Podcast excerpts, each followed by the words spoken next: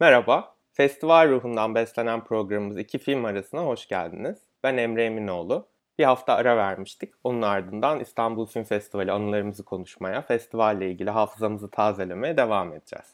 Bu haftaki konuğum sinema yazarı ve akademisyen Melis Behlil.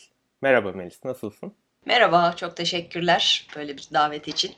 Dinliyor musun podcast'ı? Evet, biraz dinledim. Ee, duygusallaşıyorum biraz. İki senedir olmayınca. O zaman duygusallaşma sırası sana geldi biraz. Klasik sorum var bir tane biliyorsun. Onunla başlayalım.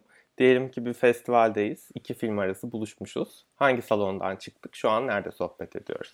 Son senelerde Atlas'tan çıkıyoruz hep ama emekten çıkmak çok güzel oluyordu.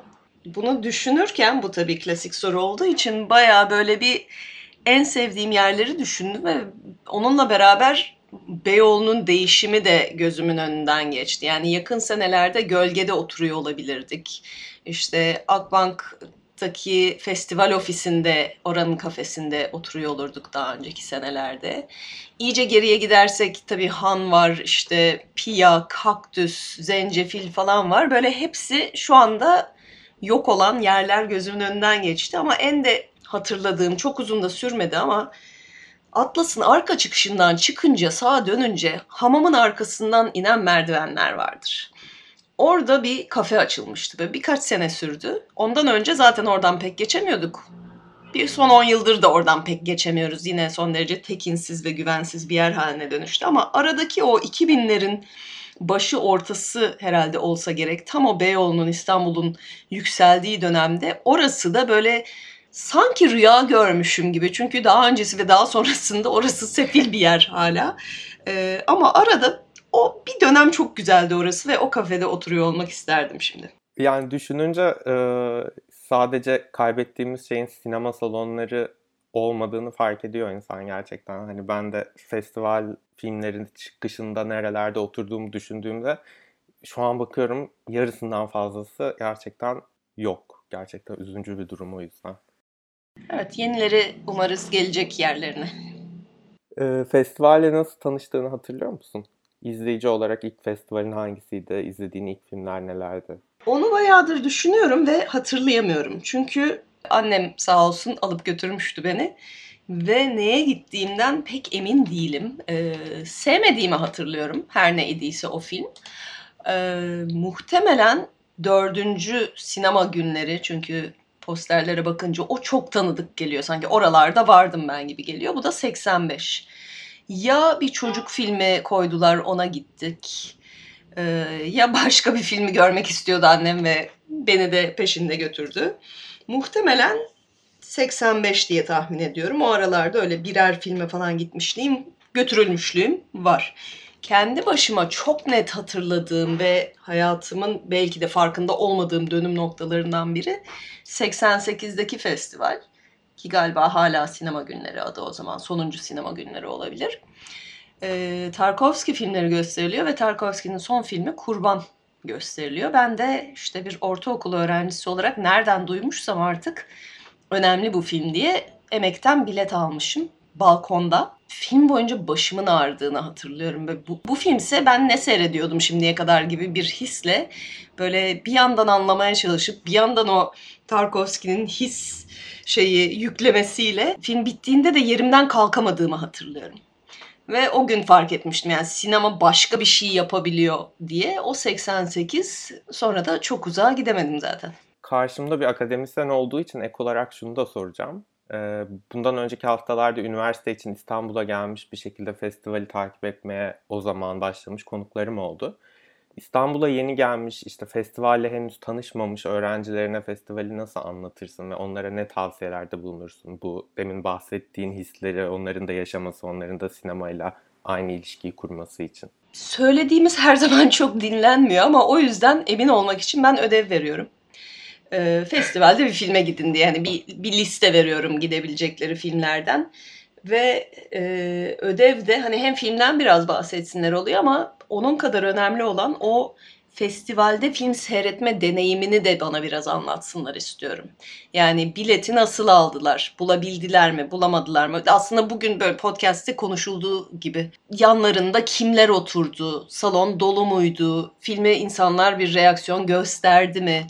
Ee, çünkü bütün onlar da festivalin parçası ve bazı ödevlerde hatırlıyorum işte yanımdakiyle sohbet etmeye başladım. O da bilmem kimmiş falan diye böyle çok güzel hikayeler anlattılar sonra. Çünkü festival yani zaten festivaller bir süredir sadece film izlenen yerler olmaktan çıktı ama izleyici festivali bile olsa o birlikte olan deneyim çok farklı. Yani sinemada izlemek zaten farklı. Festival filmini sinemada izlemek hani hep şeyden şi- şikayet ediyoruz ya sinemada işte insanlar cep telefonunu kontrol ediyor, gürültü ediyor, konuşuyor, şudur budur. Film festivalinde onu görmüyoruz pek. Yani olsa da birileri müdahale ediyor genelde. Oraya hakikaten orada olmak için gelmiş. Arkadaşlarıyla takılırken hadi canımız sıkıldı şu salona girelim diye girmemiş, seçmiş. Ee, orada olmak isteyen bir salon dolusu insanın beraber bir şey deneyimlemesi. O yüzden de nasıl olsa ben bu filmleri bulurum var ya artık ona sığınmayıp, ona kaçmayıp hakikaten o dönemde ve salonda o insanlarla beraber seyretmenin önemli olduğuna inanıyorum ben. O yüzden de e, hani garantilemek için hadi gidin ne iyi olur yerine gidin ödev yapın notunuzun yüzde şu kadarı gibi haince yöntemler geliştiriyorum. Peki senin öğrenciyken deneyimlediğin festivalle şu an onların deneyimleyeceği festival arasında ne gibi farklar görüyorsun? Yani en önemlisi tabii artık her şeyin bulunuyor olması. Çünkü bizim için festivalde gördün gördün yoksa bir daha nerede bulacaksın? Mubi'ye gelir bilmem ne indiririm şu bu. Yok öyle şeyler yani e, festivaldeki filmlerin çoğu sinemalara da gelmiyordu sonra. Hani 2010'dan itibaren bayağı bir geldi 2005'ten sonra belki de ama ben öğrenciyken ki liseye gidiyorum artık 80'ler 90'lar e, o filmler de gelmiyordu. Üniversite öğrencisiyken çok fazla festivale gidemedim. Çünkü yurt dışında okuyordum ve o dönemi kaçırıyordum hep. Sadece bir sene buradaydım 95'te. O da yine hayatımı belirleyen haftalardan biri olduğunu sonradan fark ettim. Çünkü diğer festivallerde rehberlik yaptığım için filme de tabii ki başvurdum. Yani en çok istediğim zaten film festivaliydi ve jüri rehberi oldum. Ee, o senede jüri başkanı Nagisa Oshima'ydı. Ve bir hafta onlarla gezerek hani hem sinema üzerine konuşmalar hem de hani böyle bir insan grubu olduğu işte filmleri seyrederek ve bunlar üzerine konuşarak, düşünerek, onları işte yönetmenler için yaparak, ederek hani böyle bir hayat tarzının olabileceğini orada gördüm. Yani sinema yazarları, şunlar bunlar. Ee, ve çok heyecanlandırmıştı beni. Sonra gidip bankacı oldum bir süre ama e, yine de bir noktada e, tekrar o sinema dünyasına döndüm. Bir de yani Oshima ile baş başa yemek yemişliğim var ki o da hayatta böyle e, değerli anılardan biri. Bir daha nerede bulacaksın dediğimiz aslında filmler değil böyle deneyimler oluyor. Tabii onlar da var. Onlar çok çok önemli. Ee, tabii sonra festivalle ilişkin çok değişti söylediğin gibi. Bir sinema yazarı gözüyle izlemeye başlayınca nasıl değişiyor festival deneyimi? Ee, yani bence o festivalin heyecanı bende çok değişmiyor. Biraz hani buluruz daha sonra dediğimiz için ve de festivalin sosyal tarafı da biraz ağır basmaya başladığı için e, sinema yazarı olduktan sonra mesela şey olabiliyor işte bir filmden çıktık. Bir sonraki filme mi girelim yoksa işte konuk yönetmenlerle yemeğe mi gidelim olduğunda o deneyim filmi görmekten daha ağır basabiliyor. Çünkü dediğim gibi şimdi bir de filmlere erişebiliyoruz bir şekilde. Ee, o yüzden sinema yazarı olarak yani filmlerle kurduğum ilişki bence çok farklı değil. Ama onun arka planı, işte yapan insanlarla konuşma şansı. Çünkü mülakat yapmak ya da Q&A'de moderatörlük yapıyorum bazen. Onları yapmak da iyi, hoş konuşuyoruz ama hani böyle birebir ufak bir grupla hakikaten sohbet ederek ne düşündüklerini o filmi yaparken hani nasıl yaptıklarını şunları bunları konuşabiliyor olmak da çok keyif verici bir şey ve son senelerde tabii öyle bir tarafı oldu benim için o yani büyük şans olarak kabul ediyorum. Ee, ama o şey liste ilk çıktığındaki heyecan neler var, hangi bölümler var, yarışmada neler var falan o konuda bir değişiklik yok. Yani sadece e, eskiden kitapçığı beklerdik. Şimdi ya basın bültenini bekliyorum ya basın toplantısına gidiyorum öyle öğreniyorum. Ya da çok dayanamadığım, merak ettiğim bir şey varsa önden sorup öğrenmeye çalışıyorum ama e, o film listelerine duyulan heyecan işte listelere bakmak hani hangilerini görebilirim günleri uyuyor mu ders saatine ne geliyor vesaireyi hesaplamak e, daha önceki konuklarda bahsetmişti. Yani o, o kitapçık kutsal kitapçık o hafta boyunca. E, ben bir de biraz artık OCD'lik mi bilemeyeceğim. Şey programını işte o kare kare programı Excel'e kopyalayıp ya da bazen PDF'ten de yapıyordum galiba. İşte çeşitli renk kodlarıyla gidemeyeceklerimi gri işaretleyip zaten kenara atıp sonra işte şu saatte var burada öncelikli gideyim şuna gideyim bazılarını bold yapıp işte mutlaka görmek istediklerim kırmızı kesin gidebilecek olduklarım yeşil falan gibi bayağı böyle kapsamlı bir program çıkarıyordum kendime. Ee, o da tabii e, festivalin sonuna doğru hele iki hafta sürerken festival sonuna doğru iyice bir paçavra haline geliyordu ama e, çok hayatımı kurtarıyordu yani.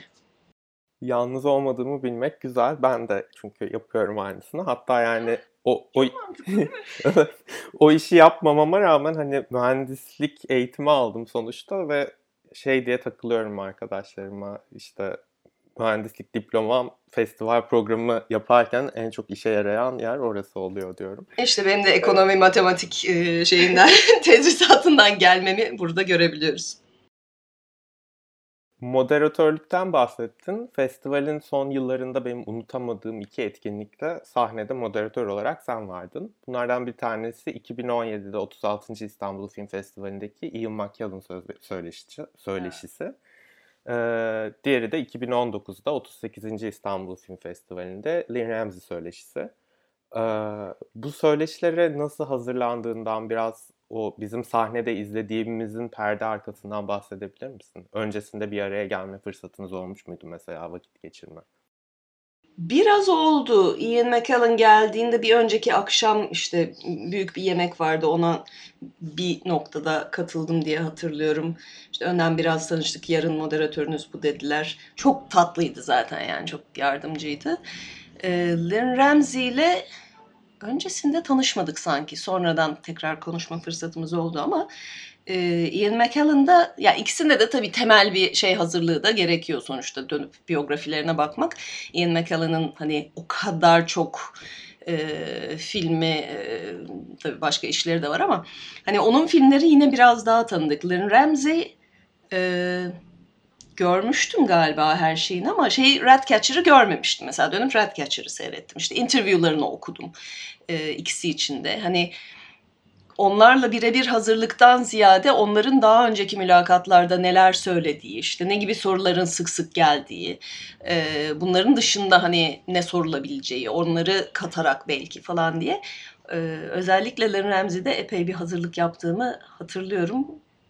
Şöyle bir anım var çünkü e, moderatörlük değil ama bir gazeteci röportajında başka bir festivalde rehberlik yaparken müzik muhtemelen yıllar yıllar önce bir gazeteci geldi. Bayağı da hani tecrübesizdi sanıyorum. Müzisyenlerden biri ve çok meşhur biri. Kim olduğunu hatırlamıyorum şu anda. İlk sorusu bize kendinizden bahseder misiniz oldu. Yani ayıp. O kısmını zaten hani moderatörün hele yapmış olması ve orada birkaç cümle söylemesi lazım. Bir de yani bu gibi isimlerde zaten kim olduğunu bildiği için geliyor insanlar oraya. O yüzden hani o bana o kadar dehşet verici gelmişti ki ben hiç böyle bir pozisyonda olmak istemiyorum. Birine sorular soracaksam hani hazırlıklı olmam lazım ve onun da cevap vermekten keyif alacağı sorular sormam lazım diye düşünmüştüm. Öyle bir hazırlık oluyor ama yani ikisi de hakikaten benim için de çok keyifli söyleşiler olmuştu biz izleyenler için de öyle olmuştu. Yani hala e, işte Ian McKellen'ın sahnede Shakespeare tiradı attığı saniyeler falan hep aklımda. Ben bir de festivalde görevliydim o sene ve e, o söyleşinin kaydını alıyordum. Elimde telefon e, bir yandan yani titriyorum heyecandan bir yandan kaydetmeye çalışıyorum. Çok e, farklı deneyimlerdi benim için. Şeyi de söylemek lazım belki hani orada olanlar bile onu deneyimlemedi muhtemelen. Ee, Boğaziçi caz korosuydu herhalde. Ian McKellen girdiğinde binaya aşağıda hazırlardı ve Lord of the Rings'in e, temasını söylediler orada. Böyle herkesin tüyleri diken diken oldu tabii. Ian McKellen'ın gözleri doldu. Yani müthiş bir şeydi o hakikaten. Ee, onun için de bence pek unut, kolay kolay unutulmayacak bir yanı olmuştur. Ee, böylesi ilgiyle karşılanan, ilgiyle izlenen etkinlikler festivalin ruhunu zaten çok daha canlı tutuyor. Ee, ben festivali 2006'dan beri takip etmeme rağmen özellikle ilk 7-8 yılımda film izlemeye zaman ayırmaya çalışmaktan festivalin etkinlikleriyle, işte söyleşileriyle, masterclasslarıyla hiç ilgilenemedim. Ee, bu iki ismi hatırlıyorum dediğim gibi en çok bende en etki bırakan bunlar olmuştu. Bunların öncesindeki yıllardan hatırladığın e, böyle önemli konuklarla söyleşiler, masterclasslar var mı? Evet yani daha çok böyle film sonlarındaki Q&A'leri hatırlıyorum. Seyfi Teoman'ın e, bizim büyük çaresizliğimizi ben yapmıştım yanlış hatırlamıyorsam. O tabii hani son e, Q&A oldu sanırım. Ama e, katılımcı olarak da e, bulunduğum böyle bayağı yer eden bende Christopher Doyle'ın bir şeyi vardı öyle söyleşisi vardı. Yanlış hatırlamıyorsam Azize Tan tercüme tabii ki Azize Tan tercümeyi yapıyordu ve Christopher Doyle da uzun uzun konuşup konuşup dönüp Azize'ye bakıp hadi çevir bakalım diye böyle bir dalga geçiyordu. Azize de çok güzel çeviriyordu her şeyi. Yani bir o ayrı net şey yer etti kafamda. Bir de hani Doyle gibi e, hani hem görüntü yönetmeni ama kendi de daha sonra filmler yaparak böyle bu işin çok farklı bir gözle bakan e, isimlerinden birini öyle dinliyor olmak ve çok heyecanla anlatıyor yani çok keyifli anlatıyordu. O mesela e, unutamadığım söyleşilerden. Yani ben de şimdi geri dönüp işte o sene mesela kimler gelmiş, kimin söyleşileri olmuş diye baktığımda çok pişmanlık duyuyorum. Yani işte Aşkar Farhadi söyleşisi varmış mesela.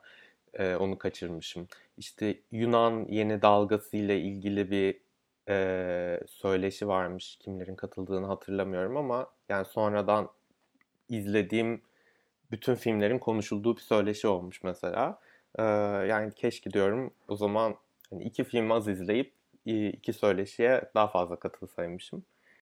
Evet yani dediğin gibi festivali festival yapan onlar oluyor. Ee, bu paylaşımlar hani onlar için tabii hani bu yönetmenler sonuçta dünyanın dört bir yanında konuşuyorlar ediyorlar ama yine de hani e, şeyi de çok takdir ediyorum. Bu tip şeylere hazırlık yaparken görüyorum ki mülakatlarda tekrar tekrar tekrar aynı sorular geliyor ve sabırla hepsine gayet şey bir şekilde e, ilk defa anlatır gibi cevap veriyorlar ve e, işin zor bir kısmı yani. Eee, belgesel sinemaya olan ilgini ve bilgi birikimini de görmezden gelemeyeceğim. Eee, festivalin belgesel kuşağı ben bildim bileli var olan bir bölümü. Eee, Türkiye sineması bölümünde de hep belgesel filmler olmuş ama 2016'da ulusal belgesel yarışmasıyla Türkiye belgesel sinemasıyla festivalin olan ilişkisi biraz daha güçlendi gibi geliyor bana. Eee, belgesel filmler festivaller dışında perdede çok sık izleyebildiğimiz filmler olmuyor. Bu açıdan festivalin belgesel sinema ile olan ilişkisi, festival izleyicisinin belgesel sinema ile olan iliş, e, ilgisi hakkında neler düşünüyorsun? Ee, benim belgesel merakım daha yeni başladı. Yani son 5-6 sene e, herhalde.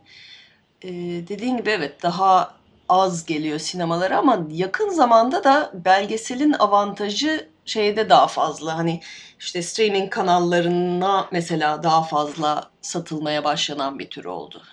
Bir şekilde hani son birkaç senenin merak ettiğim belgesellerinin çoğu e, özellikle uluslararası belgeseller hele son 1-2 senedir Netflix ve Amazon öyle bir saldırdılar ki o alana e, çoğunu bulabiliyor olmak iyi oldu e, yerli belgeseller için biraz daha zor ama orada da mesela Blue TV oluyor sonrasında. E, onlarda bayağı bir seçki var. Festival esnasında biraz göz ardı ediliyor sanki. Böyle bir... Onlar hep Beyoğlu sinemasında oynar değil mi? Öyle hatırlıyorum. Evet. E, böyle işte daha küçük salon. O da tam dolmuyor. İşte öbür tarafta festivallerden, diğer dünya festivallerinden bölümünden ya da işte galalardan falan son aylarda adı çok geçmiş bir takım filmler olunca belgeseller biraz boş kalıyordu ama e, bilmiyorum yani şimdi tekrar festival olsa her ne kadar online bulabilsek de yine de sinemada görmek isterim sanki onları. Hele bazı fes- yani belgesellerin bir de şeyi var. Hepsi için geçerli değil ama bir kısmı hani daha zor koşullar altında çekildiği için görsel yönü çok da güçlü olmayabiliyor. O zaman evde de seyretmek çok sorun olmayabiliyor ama yine de salonda seyretmek üzere ben mümkün olduğunca hani boş olan saatlerde illaki yani karar veremediğim durumlarda illaki bir belgesel seyretmeye çalışıyordum son senelerde. Çünkü şey gibi geliyor bana. Kurmacayla belgesel tabii iç içe de geçtiği çok yanı var ama çok basite indirgemek bile olsa herhangi bir belgeselin çok kötü olma ihtimali bana kurmacanın çok kötü olma ihtimalinden daha az gibi geliyor her zaman.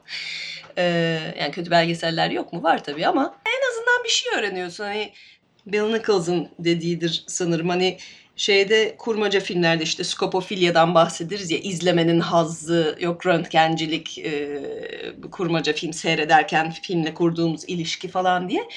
E, belgeselde de böyle bir öğrenme hazzı bilgilenme hazzı e, tatmin ediliyor. O da hakikaten çekici geliyor.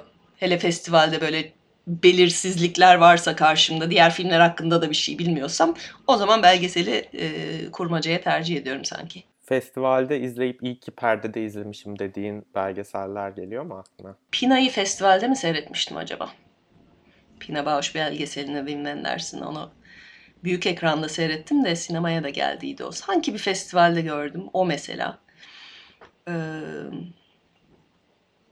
görmediklerimden mesela Wim Wenders'in Salgado belgeselini ben hala izlemedim. Çünkü onu küçük ekranda görmek istemiyorum. Ve sinemadayken de kaçırmıştım. Festivalde de kaçırmıştım. Ee, onun gibiler var. Onun dışında öyle özellikle aklıma gelen yok. Benim özellikle iyi ki perdede izlemişim dediğim değil ama iyi ki izlemişim dediğim benim için bir keşif olan bir belgesel var. Trespassing Bergman diye bir tane belgesel vardı. 2014'teki festivalde gösterilmişti. Ee, Scorsese'den işte Haneke'ye, Ang Lee'den Wes Anderson'a ne kadar tanıdığım, sevdiğim yönetmen varsa film ekibiyle, ekibiyle beraber e, izinsiz bir şekilde Bergman'ın Foro adasındaki evine giriyorlar. İşte onun DVD, video kaset koleksiyonu var. Onun önünde durup oradan Bergman ne filmler izlemiş, neleri arşivlemiş diye bakıp e, Bergman filmleriyle ve o onun izlediği filmler üstüne düşüncelerini anlatıyorlar. Ya iyi bir belgesel miydi değil miydi hiç hatırlamıyorum, hiç bilmiyorum ama çok da umurumda değil. Çünkü o zamana kadar Bergman filmi izlememiştim. Ee, ve Bergman'la o belgesel sayesinde tanıştım. Ve bir anda hani Bergman'ın bütün sinemasıyla ilgili ve bütün sinema dünyasının Bergman'la ilgili neler düşündüğünü o belgesel sayesinde öğrendim.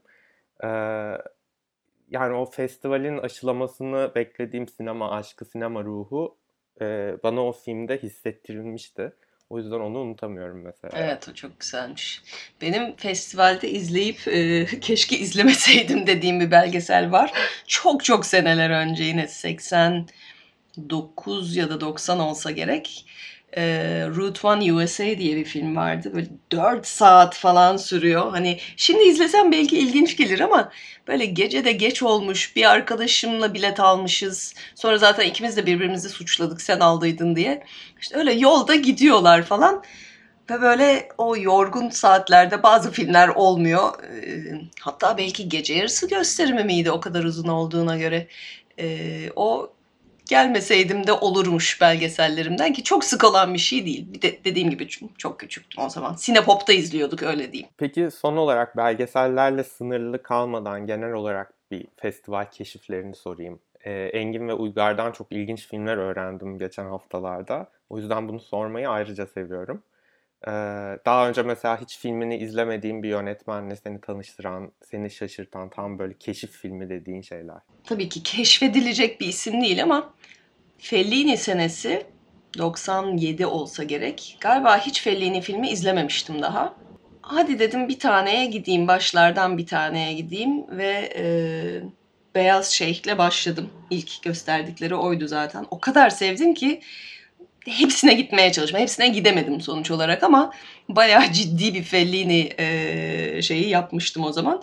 Bir de e, bunları hep salonlarıyla hatırlıyorum. O da dünyadaydı galiba. Dünyanın da bir kedisi vardı. Bütün o Fellini filmlerinde o sene her seferinde sahneden geçerdi. Kimi zaman da en öne gelip önde kim oturuyorsa onun kucağına bir atlayı verirdi. Ee, benim de kucağıma bir atlamışlığı var. Ee, başka keşif olarak Greg Araki galiba. Hangi filmiydi hatırlamıyorum ama o epey bir heyecan vericiydi. Peter Greenaway. Ee, The Cook, The Thief, His Wife and Her Lover'ı e, onu annem görmüştü. Dediğim gibi festival eğitimimde annemin rolü bayağı büyük.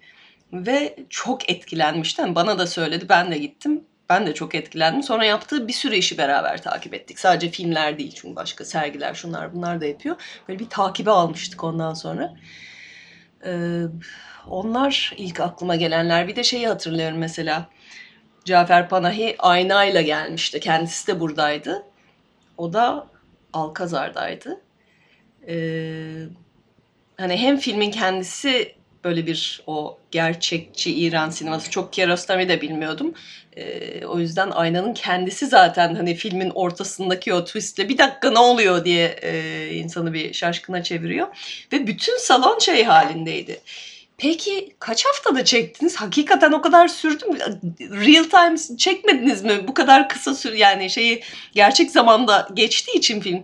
Herkes hani kamerayla gerçek zamanda ne çektilerse o gibi algıladı. O kadar iyiydi ki o gerçeklik duygusu filmdeki.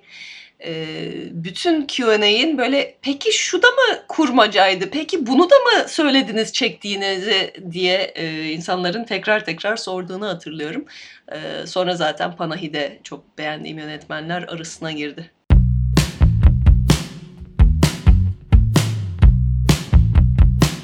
Sırada iki film arasının oyuncaklı yarısı var.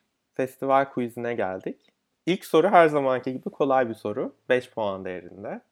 Ee, Beyoğlu sinemasında ki filmini izlemek üzere salona Chaplin kapısından girmemişsen hangi kapıdan girmişsin? Hitchcock. Doğru. Ee, ikinci soru 3 parçadan oluşuyor. Her parçası yine 5 puan değerinde. Demin Ian McKellen ve Lynn Ramsey söyleşilerinden söz ettik. Biraz buradan gideceğim o yüzden. Ee, ikisinin de konuk olduğu yıllarda geçmişteki birer filmleri festival programına eklenmişti. Bu iki filmi hatırlıyor musun? Hatırlamıyorum. Şeyde Larry Ramsey'de Ratcatcher diye tahmin edeceğim. Doğru. Ian McKellen Yüzüklerin Efendisi değil o kesin. Ee, şey miydi? Apt Pupil miydi acaba? Ee, Ian McKellen için 3. Richard gösterilmiş. Daha önce gördüğüm için gitmemiştim ama evet çok müthiş bir performansıdır o da. Ee, Lynn Ramsey için de dediğin gibi Ratcatcher gösterilmiş. Ee, ikisinden birini doğru bildiğin için buradan da tam puan veriyorum. Teşekkür ederim. Lynn Ramsey'nin festivale konuk olduğu yıl uluslararası yarışmanın jüri başkanlığında o üstlenmişti. Altın Lale'yi hangi filme verdiklerini hatırlıyor musun? Hayır. Ee, Güney Kore'den Bora Kim'in House of Hummingbird filmi, Sinek Kuşu. Ha, görmemiştim de zaten. Evet, şimdi hatırladım şeyi. Hatta biletim vardı da gitmemiştim galiba. Sonra da hay Allah gitseymişim diye düşündüğümü hatırlıyorum. Sorunun son kısmı da şu. Ratcatcher'ın festivalde gösterildiğini söylemiştik. Ee, peki Lynn Ramsey'nin hangi filmi ya da filmleri daha önce İstanbul Film Festivali'nde gösterilmişti? Şeyi festivalde izledim gibi hatırlıyorum ben ama Mor Morven Caller mıydı o? Ama ben onu Rotterdam'da da izlemiş olabilirim. Ee, o vardı ama festivalde oynadı. Ee, We Need to Talk About Kevin de herhalde festivalde oynadı. Hafızam kötü demiştim değil mi? Başka ne başka filmi var mıydı diye şu anda düşünemiyorum bile. Hiç şey de yapmıyorum, kopya çekmiyorum. Morven Color e, 22. İstanbul Film Festivali'nde gösterilmiş 2003 yılında. We Need to Talk About Kevin film ekiminde gösterilmiş, festivalde değil. You Were Never Really Here'da film ekimi 2017 programındaydı aslında. Ben de hatırlıyorum heyecanla bilet almıştım. Sonra o gösterim iptal olmuştu ve e, filmin Türkiye'deki gösterimleri nedense ertelenmişti. E, sonradan 37. İstanbul Film Festivali programına girmiş 2018'de. Sonra gösterime de girdiydi o diye hatırlıyorum. Ee, evet, ben de hatta festivalde izleyememiştim. Başka sinemada izledim diye hatırlıyorum Ben de Kadıköy'de. galiba sonrasında izlemiştim. Ee, dolayısıyla aslında bir şekilde Lynn Ramsey'nin e, tüm filmleri bir şekilde festivalden geçmiş. Bir nevi evet film ekimini de sayarak. Ee, ve son soru. Bu soru genelde festivalin özel ya da gelenekselleşmiş bölümlerinden biriyle ilgili oluyor. Senin için Sinemanya bölümünü seçtim. Bu bölüm ilk kez 2017'deki 36. Film Festivali'nde festival programında yer almış. Ee, fakat aslında önceki yıllardaki işte özel gösterimler, anılarına bölümü, sinema onur ödülü alan e, sinemacıların filmleri, bütün bunları bir araya toplayan bir bölüm işlevi görüyor. Ee, açıklaması şöyle. Bu bölüm sinema aşkından, sinefil olmaktan, sinema tutkusundan yola çıkıyor. Sinema dünyasının en iyileri, yıldızları, yol gösterenleri, köşe taşları, anıtları burada buluşuyor. Bu seçkide başyapıtlar, kayıp, kült veya yeniden gündeme gelmiş klasiklerin restore edilmiş sinema kopyaları, sinema hakkında çekilmiş, sinemacıları veya film sanatını gündeme taşıyan sürprizler yer alıyor. Ee, restore edilmiş kopyaların burada gösterildiğini söyledik. 2017'den beri Sinemanya bölümünde bir şekilde e, bu şekilde restore edilmiş kopyalardan gösterilmiş 4 klasik film olmuş. Ee, bunlardan birini söyleyebilir misin? Hmm, söyleyemem. Ama şunu söyleyebilirim. Alternatif gidiş yolu puanı sayılır mı bilmiyorum. Sinemanya bölümü de yanlış bilmiyorsam adını 2000'lerin başında yapılmış New York'taki birkaç sinefilin hayatını anlatan Sinemanya filminden aldı. Buradan ödül olarak 20 puan yerine 10 puan veriyorum bu bilgiyi öğrendiğim için. Suspiria varmış 2017'de. Mulholland Drive varmış yine 2017'de. 2019'da da Halıcı Kız ve Rosemary's Baby varmış.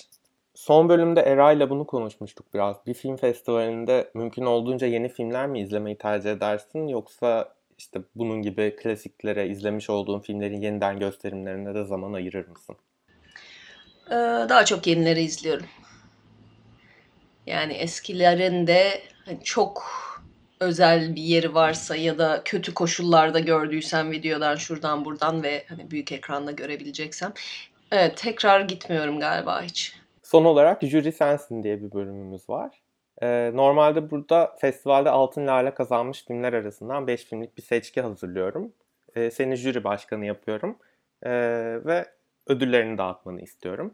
Ama artık 6. bölüme geldik. Dolayısıyla Altın Lale ödüllü filmler tükenmeye başladı. Format değişikliğine gidiyorum biraz. Bundan sonra bu bölümde sohbetimiz sırasında adı geçen filmlerden 5 filmlik bir seçki sunacağım. Bir filme Altın Lale vermeni isteyeceğim.